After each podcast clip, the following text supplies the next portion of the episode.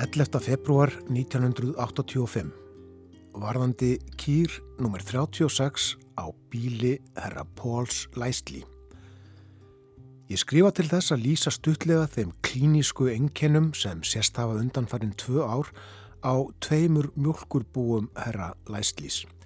Fjögur tilfelli hafa fundist, tvö á kóru bíli hans.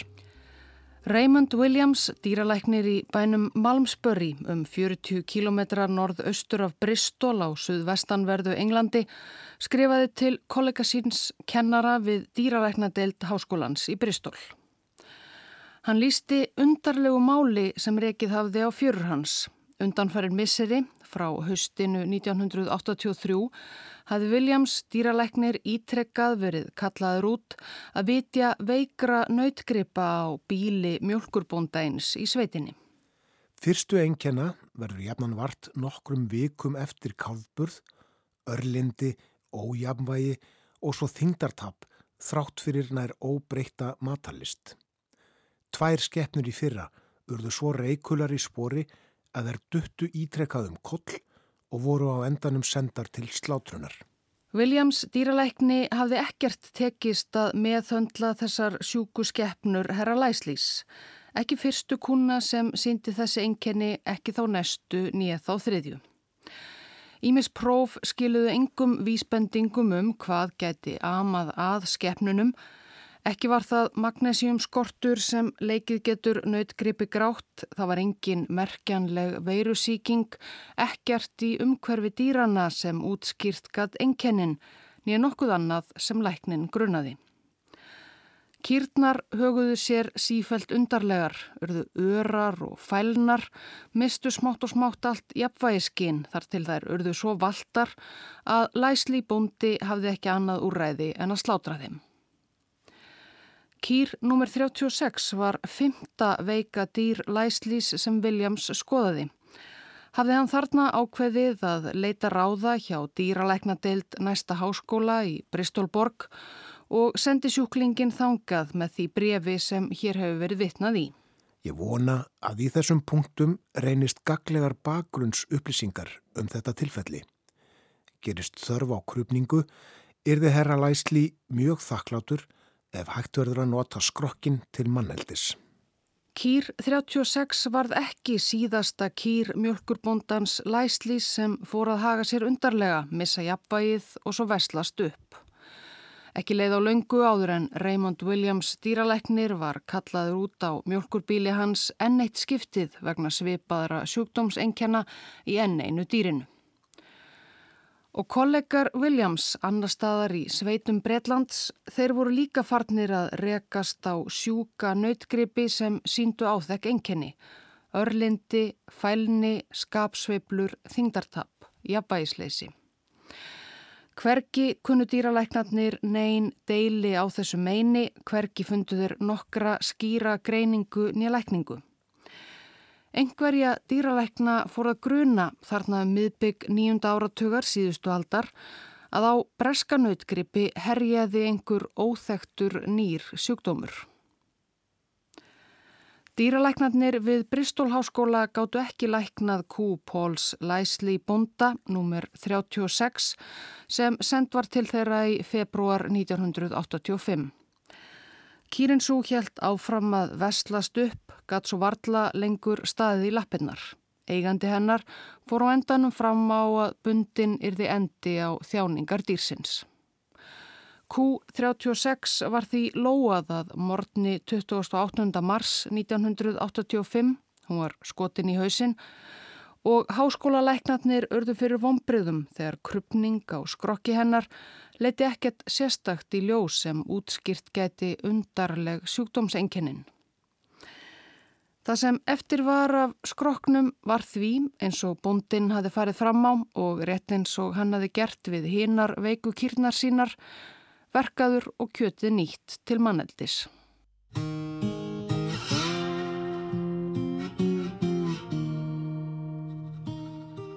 Sem sagt, all nokkrir breskir nautgripabændur og dýralæknar þeirra urðu varir við undarleg enkenni í nautgripum sínum þarna um miðjan nýjunda áratug síðustu aldar.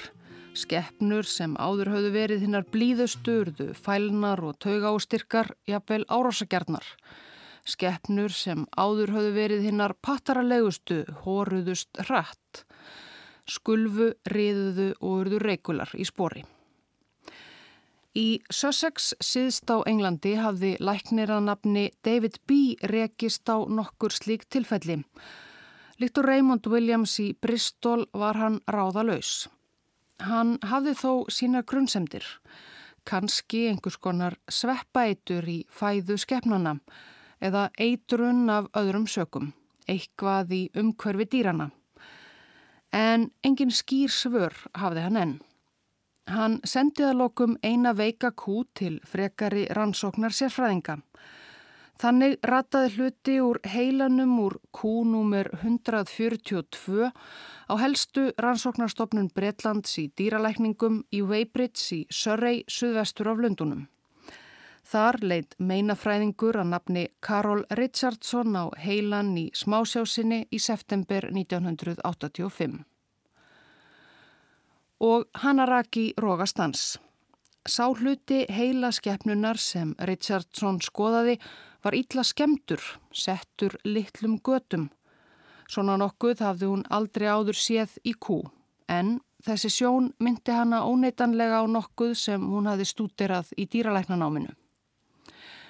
Sá sjúkdómur hafði verið sérlegt áhuga mál eins kennara hennar, ekki að undra þar sem það var sjúkdómur sem leikið hafði breska bændur ítla kynnslóðum saman. Þó ekki nautgripabændur. Heilin í Q142 frá Sussex leit út eins og heilin í riðusjúkri kind. Riða sem íslenskir hlustendur ættu að þekka velenda allræmdur skadvaldur í íslenskum landbúnaði sem breskum hefur þekst lengi. Elstu heimildir um sjúkdómin eru frá því á fyrirluta átjándu aldar á Breitlandsegjum en meinið hefur einnig valdið usla í fjei fjölmörgum öðrum löndum. Fyrstu enginni sjúkdómsins munu oftast vera þau að kindin kviðdregst og leggur af. Fljótlega fyrir að bera á óeðlegum óta og hræðslu, kindin kippist til, hendist frá jötunni allt í einu, án þess að verða fyrir nokkur stigð. Úr grein Páls A. Pálssonarum riðuveiki í Söðfjö í búnaðaritinu Frey 1978. Ef handsama á kindina virðist hún oft trillast af hræðslu og hleypur á hvað sem fyrir er og oft nýgur hún niður þegar henni er náð. Stundum fylgir riðunni ákafur kláði. Sérst þá oft að kindin er að reyna að klóra sér með hornunum og síðar fyrir hann að aka sér upp við stöyra, veggi og stóðir viðþólslaus af kláða. Þegar líður á sjúkdóminn missir kindin þrótt, getur ekki gengin ef að stuttan spöl í einu og liggur mikið fyrir og er þess þá sjaldan langt að býða að yfir ljúki. Riðusjúklingar á síðustu stegum veikinar eru hinn mesta hriðarmynd og sjúkdómströytir án efa miklar en það munu þá flestir grípa til bissunar til að binda enda á kvalir þessara vesalinga. Um riðu og skildasjúkdóma hefur áður verið fjallaði í, í ljósi sögunar í þætti árið 2017 sem fyrst og fremst fjallaði um sjúkdómin kúrú meðal fóri þjóðarinnar í nýju kínu. Kúrú lísti sér með áþekkum hætti í mönnum og riða í söðfjem. Sjúklingurinn hagaði sér undarlega, misti jafnvægi skinn og stjórn á líkamshreyfingum veslaðist svo upp. Bandaríski vísindamæðurinn Carlton Gaitusek vann tímamóta rannsóknir á kúrú um miðja síðustu öld. Hann gerði sér þá grein fyrir líkindum kúrú og riðu og vinna hans leiti hann því meðal annars til Íslands. Undir lok sjötta áratögarins kynnti hann sér tímamóta rannsóknir Björns Sigurssonar og kollega hans við tilraunastöðina á Kjeldum á riðu. Mart var þá enn á huldum þennan skadvald en vitað var að hann var smittandi þó svo að einkenni geti verið óvenju lengi að koma fram eftir smitt. Mánuður og ár gáttu liðið frá því að kind smitaðist þar til enkenni hófust. Á kjeldum var því talað um riðu sem haugengan smittsjúkdóm. Fleiri rannsóknir, gætusex og annara leittu í ljós skildleika riðu ekki einungis við frumskóar sjúkdóminn kúru heldur fleiri sjúkdóma í mönnum. Sérilagi dularfullan, sjálfséðan en herfilegan taugarhörnunarsjúkdóm sem fyrst hafi verið líst í upphafi þriðja áratugar og kentur var við þýsku taugafræðingana Kreutzfeldt og Jakob. Kreutzfeldt-Jakob sjúkdómur sem aðalega leggst á eldra fólk byrjar gjarnan með atferðlisbreytingum og glemsku eins og heilabilun. Svo bætist við sljóleiki, ósjálfráðir, kippir eða skjálti og fleiri grav alvarleg enkenni. Að lokum fellur sjúklingurinn í dá og lætur lífið. Yfir leitt á innan við ári frá því að sjúkdómurinn gerir fyrst vart við sig. Riða, Kúru og Kreutzfeldt Jakob orsakast fyrst og fremst af skemdum í heila sjúklings, eins og litlum götum sem myndast í heilavefnum, svo heilin líkist svampi, en það sjúkdómatnir og fleiri skild mein í mönnum og dýrum kolluð af vísindamönnum svampkjent heilamein.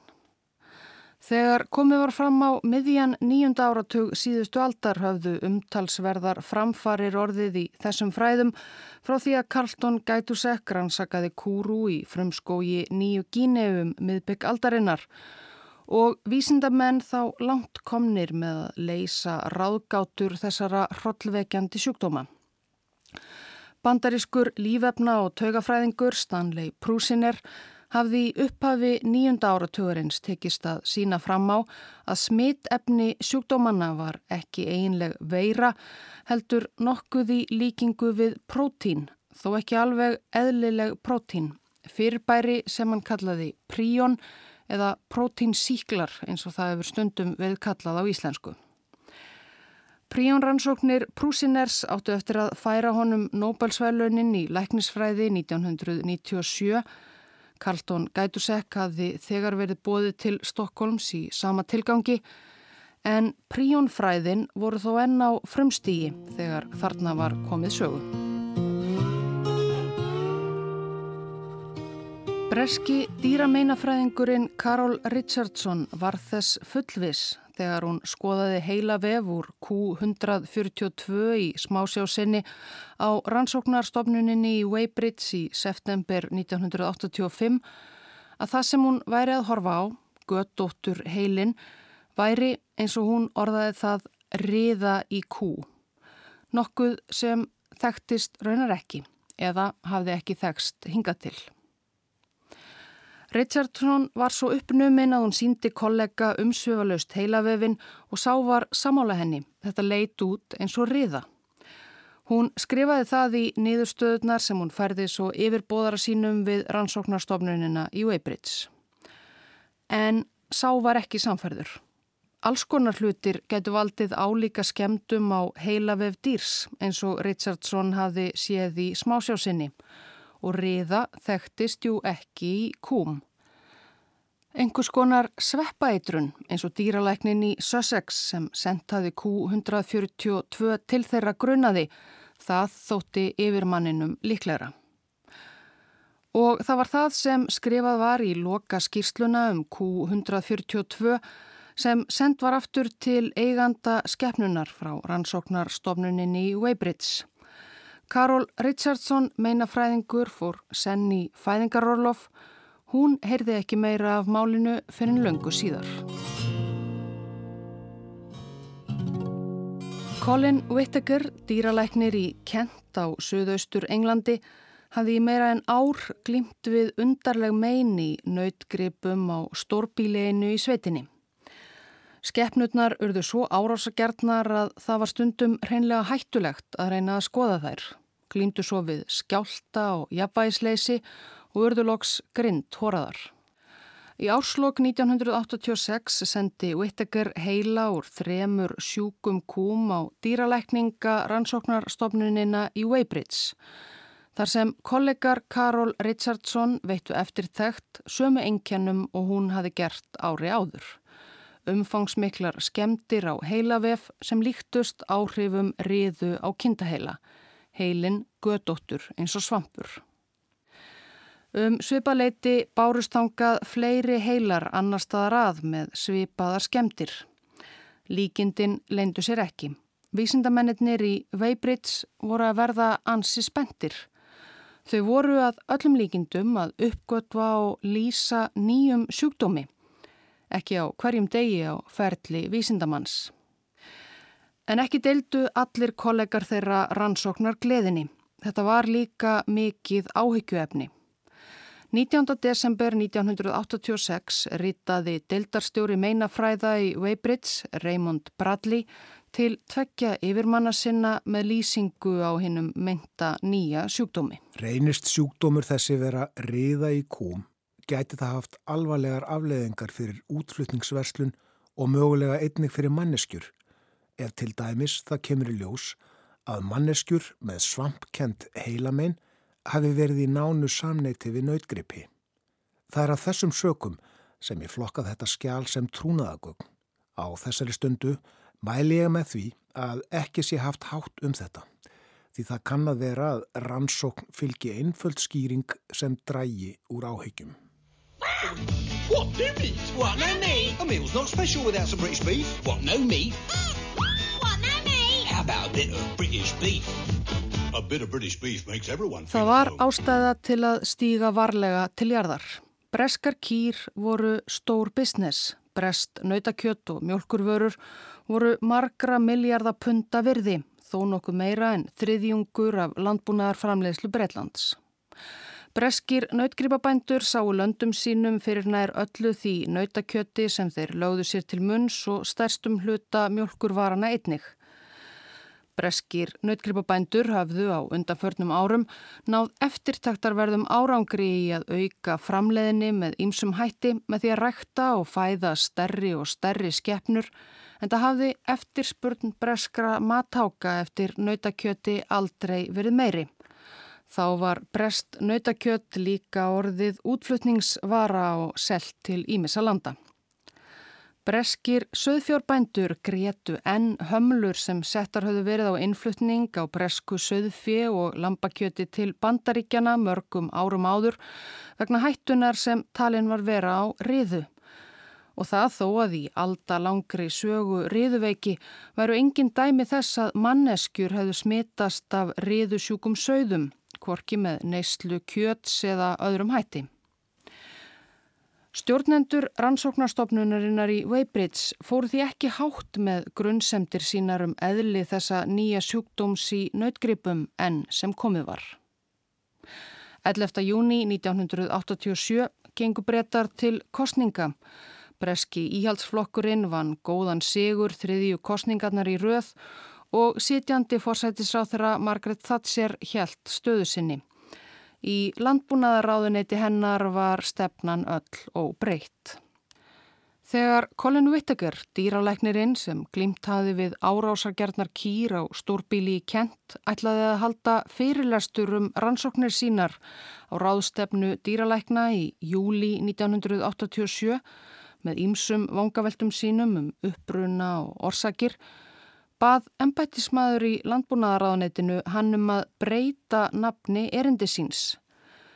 Nýr sjúkdómur í nautgripum áþekkur riðu spurningamerki hafði vittekar kallað erindið.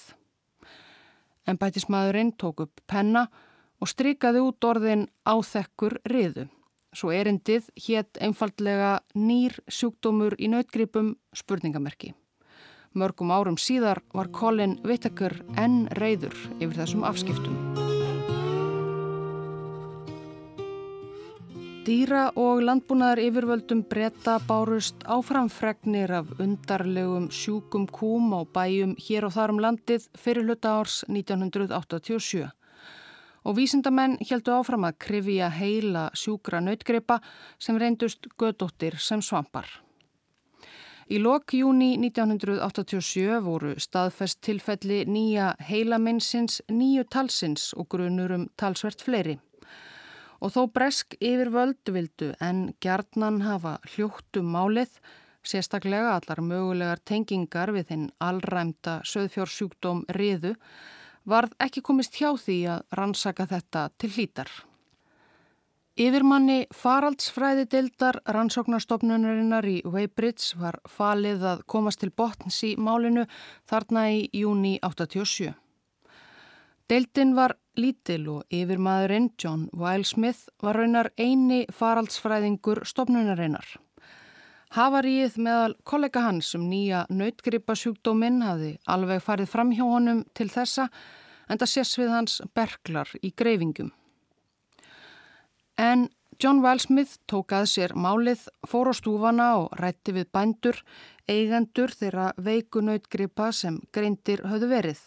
Hann spurði út í uppbruna og æfi dýrana, afkvæmi þeirra, aðstæður þeirra á bæjunum, mataræði og fleira.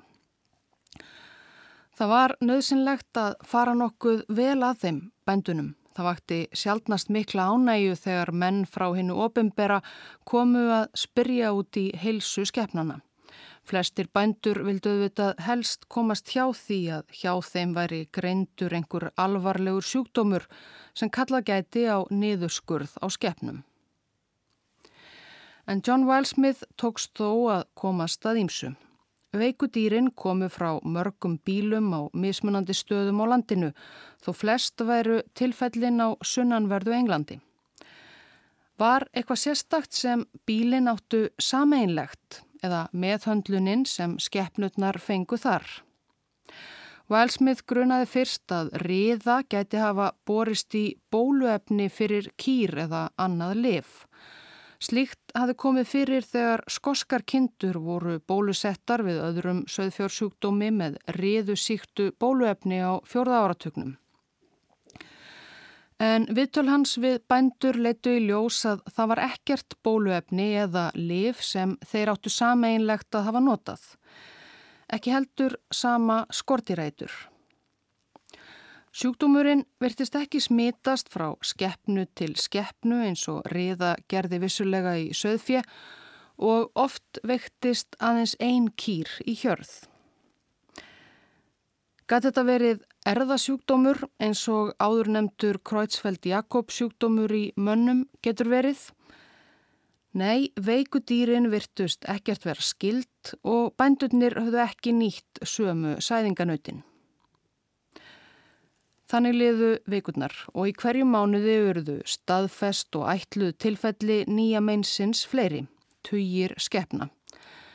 Breska landbúnaðaráðunetið var þarna búið að nefna sjúkdóminn svampkent heilamein í kúm bóvæn spongiform encephalopathy, skamstöfun BSE. Það var embætismönnum í ráðuneytinu eflaust að skapi að nafnið var langt, flókið og auð gleimanlegt. En það gekk ekki mikið lengur að halda meininu leindu. Þetta var orðið alltalað meðal dýralækna á bænda.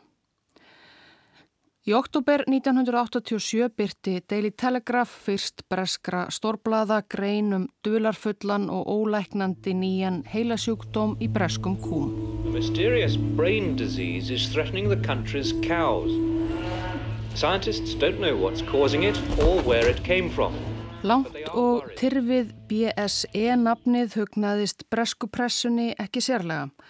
Blöðin fjölluðu um furðuleg sjúkdómsenkennin, gævar mjölkur kýr sem urðu skindilega árásargjörn kvikindi, réðust á bændur og smala, höguðu sér sem brjálaðar væru. Sunnudagsútgáfa Telegraf skrifaði fyrstum brjálaða kúasjúkdóminn Mad Cow Disease og nafnið festist. Frettir af meininu bárust síðar út fyrir landsteina Breitlands. Í íslenskum fjölmiðlum var gerðnan notað orðið kúafár og svo annað þar sem enginn vafi leka og skildleikanum við hinn mikla skadvald söðfjárbænda kúariða. Þarna síðla árs 1987 taldi faraldsfræðingurinn í Weybridge, John Wilesmith, sig hafa útilokað nokkuð áræðanlega að kúafárið nýja væri erðasjúkdómur sem og að þann mætti reykja til síktra livja, skortiræturs eða annara eiturefna í umhverfi nautgripana. Hann helt áfram rannsóksinni. Eitt átti hann eftir að skoða helst og það var mataræði dýrana. Kýr eru jurtaætur frá náttúrunar hendi. Magar þeirra á meldingarkerfi sér hönnuð til að jórtra og melda gras og gróður. En langt er síðan maðurinn fór að eiga við þetta eðli skefnana. Breskir nautgripabændur höfðu kynnslóðum saman unnið markvista því að fá skefnur sínar til að gefa af sér meira og meira kjött og meiri og meiri mjölk. En til þess þurftu skeppnurnar að fá meira prótín, meira en auðveldlega var hægt að ná úr jörtafæði. Um miðbygg 19. aldar fór þýskur efnafræðingur Justus von Liebig að framleiða næringaríkan nautakjöttkraft til að styrkja veseldarlega verkamenn í Evrópu og honum kom svo til hugar að nota það sem gekk af við framleiðsluna, kjött afganga og hratt til að fóðra svín. Það þurfti að bragðbæta afgangana með talsverðum sigri en loks fengust grísitnir til að geta þetta. Þegar komið var fram á ofanverða 20. stöld var það orðið alvanalegt á bílum að jórturdýrum, hefbundnum júrtaætum, væri gefið próteinríkt kjarnfóður sem unnið var úr kjöti annara dýra þeim pörtum dýrsins sem ekki var hægt að nýta til manneldis og afgöngum. Jafnvel hræjum sjúkra skeppna sem auðvitað átti að meðhandla þannig að öllum mögulegum síklum og smitefnum væri útrýmt. John Wilesmith fór enguða síður að gruna að fóður þetta gæti verið orsökin. Aðtekli hans beindist að svo kalluðu beina og kjötmjöli Próteinríku kjarnfóðri sem bændur gáfu sér í lagi mjölkurkúm. Mjölið var unnið úr slátur afgöngum sem úr hræjum, sjúkra og sjálfdöðra skeppna sem bændur gáttu þannig losað sig við til kjöttbræðslustöða. You may not have realized but for 40 years we've been processing the unwanted remains of cattle, sheep, pigs and chickens and feeding it back to them with other food. Now on this diet these animals grow Hrægin og afgangarnir voru brætt við mikinn hýta og meðhöndluð með ýmsum efnum sem áttu að duga til að drepa alla síkla. En rannsóknir í Breitlandi, á Íslandi og víðar höfðu löngu syngt fram á hver harðgert og lífsegt smitefni riðuveikinar var. Gæti riðusmitefni úr síktri kind hafa endað í nautgripafóðri og tekið svo stökkið milli tegundana. Riðu hafði aldrei tekist að síkja mannesku vissulega en kannski reði hún við kú. Við nánari eftirgrenslan komst John Wilesmith að því að á síðustu árum varu margar breskar kjötbræðslustöðvar farnar að nota kindakjött við framleiðsluna í auknum mæli. Ímsa hluta kindaskrokksinn sem ekki rötuðu á borð breskra neytenda með breyttum matarvenjum, ekki síst heilan. Fjöldi söðfjár hafði nær tvöfaldast á Breitlandsegjum á nýjunda áratugnum og riða kom enn reglulega upp í bresku fjö. Svo nær óhugsandi var annað en að talsvert af riðu síktu fjö hefði endað í slíkri kjötvinnslu. Þá hafðu verðhækkanir á eldsneiti upp úr ólíukreppunni um miðbygg 8. áratögarins leitt til þess að margar kjötbræðslustöðvar reyndu ímsar leiðir til að draga úr orkunótkunnsynni, ekki síst með því að draga úr þeim mikla hita sem venjulega þurfti til framleiðslunar. Fun hitanum sem var einn mikilvægasti þátturinn í að reynsa afurðirnar af mögulegum smitefnum. Í februar 1988 voru þrjú ár síðan dýralæknirinn Raymond Williams rannsakaði kúnúmer 36 á mjölkurbúinu við Malmsbury, taugástyrka og regula í spori. Tvö og hálft ár síðan Karol Richardson, meinafræðingur í Weybridge, leit á heilavef úr kúnúmer 142 frá Sussex í Smásjá og greindi hana með riðu í kú. John Wilesmith taldi sig loks hafa nægilegar upplýsingar til að senda yfir bóðurum sínum hjá breska landbúnaðaráðunetinu tilgátur sínar að söðfjársjúkdómurinn riða hefði borist í kýri gegnum síktar sláturaförðir nýttar í nautgripafóður. Staðfest tilfelli svampkjents heilameins í kúm voru þarna 132, grunu tilfelli 370 á meira en 200 bóndabæjum viðsvegar um Breitland. Fæstar kuna sem greindar voru með meinið örðu langlífar, þær vesluðust upp og drápust eða bændur sendu þær skjálfandi í sláturhúsið. Þar voru þær verkaðar og flestar nýttar á hefbundin hátt í steikur, hakk og aðrar kjötafurðir, fóður. Í breska landbúnaðaráðinitinu önduð menn vafalust léttar þegar nýðurstöður Johns Wilesmith bárust. Þetta leit eftir allt saman út fyrir að vera riða í kúm og riða gatt ekki borist í menn. Það var vel og löngu vitað.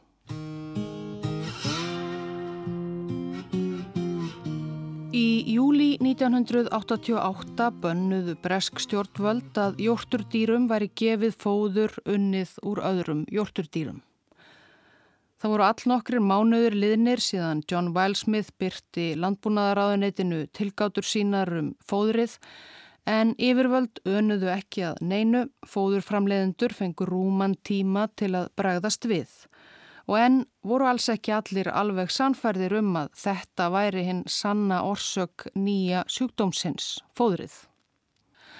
Í ráðuneytinu varum svipaleiti síðsumars 88 ákveðið að fyrirskipa að aflífa erði alla nautgripi sem grunaðir voru um að þjást af nýja heilamenninu.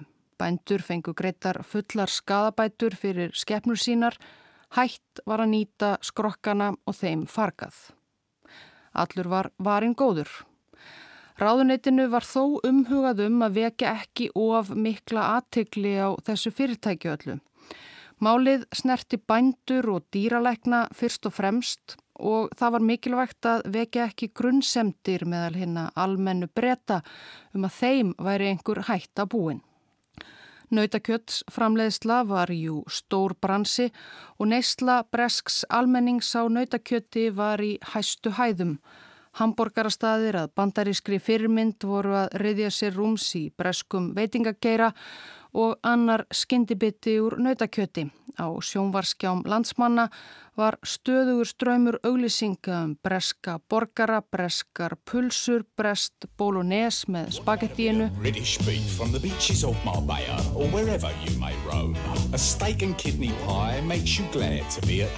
En því var einnig óumflíjanlegt að breska pressan hefði mikinn áhuga á málinu. Ríkistjórn Margaret Thatcher var í farin að verja háum fjárhæðum í skadabætur til handa nautgripabændum. Nautaskrokkar voru brendir í þúsundatali á stórum bálkostum um sveitir Bretlands og sjúkdómurinn sjálfur hafði hryllilega ásýnd skeppnutnar, hóraðar og skjálfandi. Egi að undra að einhverja hryllti við og fyndu til hræðslu. En línan frá ráðamönnum í Lundunum var skýr, almenningi var engin hætta búin. Líkt og með riðu í söðfje voru engin merki þess að nýja kúariðan geti stokkið tegundana á milli og síkt mannfólk. Brest nautakjött var fullkomlega meinlaust sem fyrr. En meinið sótti í sig veðrið. Í loka árs 1988 höfðu tæplega 2200 breskar kýr greinst með kúariðu, 1989 meira en 10.000.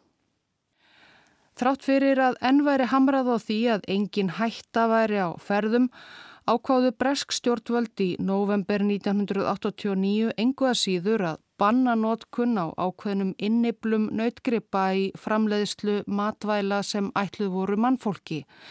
Nefnilega þá parta sem taldir voru líklegastir til að geima smitefni nýja meinsins, heila og mænu.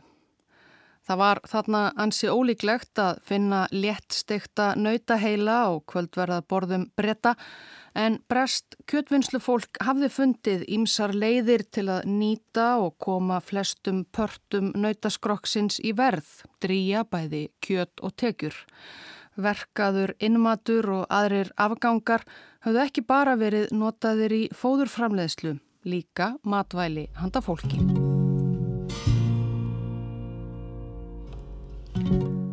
Það var í árslokk 1989 sem Jacqueline Stone íbúi Bristol fór að taka eftir því að síamskötturinn hennar Max hagaði sér undarlega.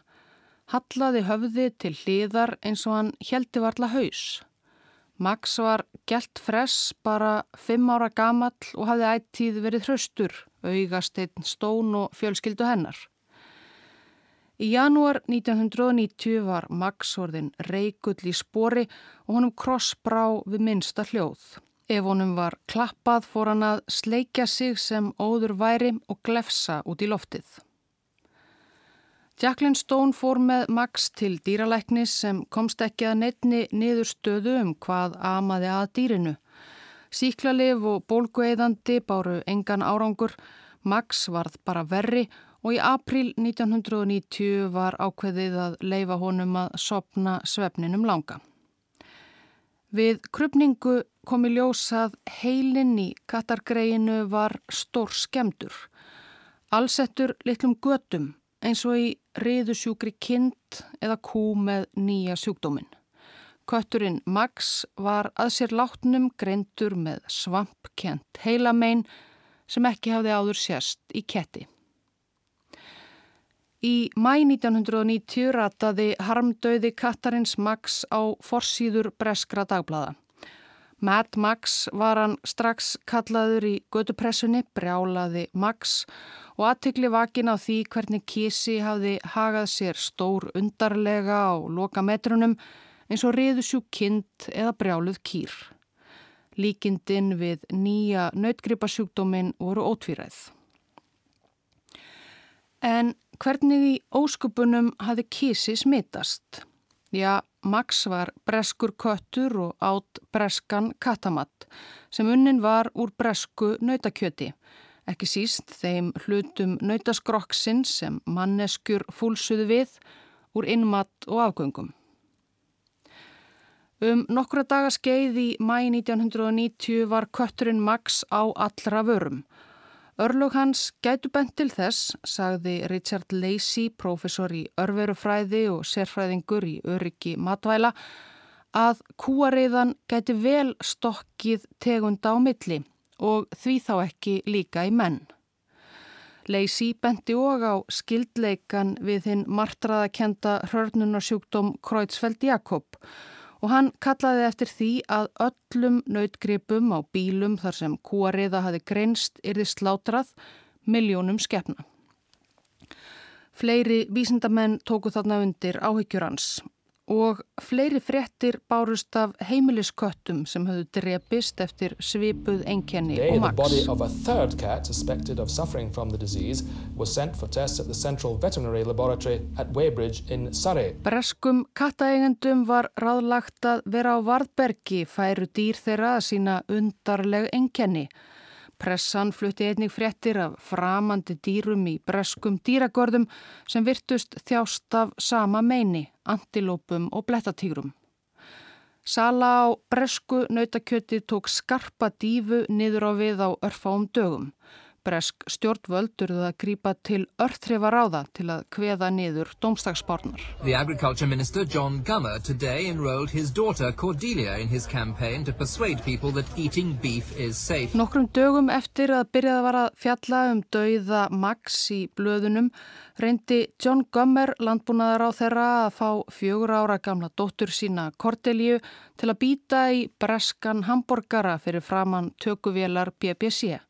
Stúlkan raunar fúlsaði við en bara því borgarinn var of heitur, saði ráðherran.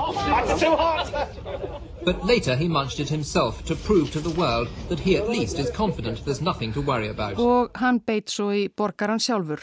Alls engin hætta á ferðum, saði hann og kjamsaði. Landlæknir breyta tókundir. No risk associated with eating British beef. Everyone, children, adults, patients in hospital Það var ekkert að óttast og allra síst breska hambúrgara.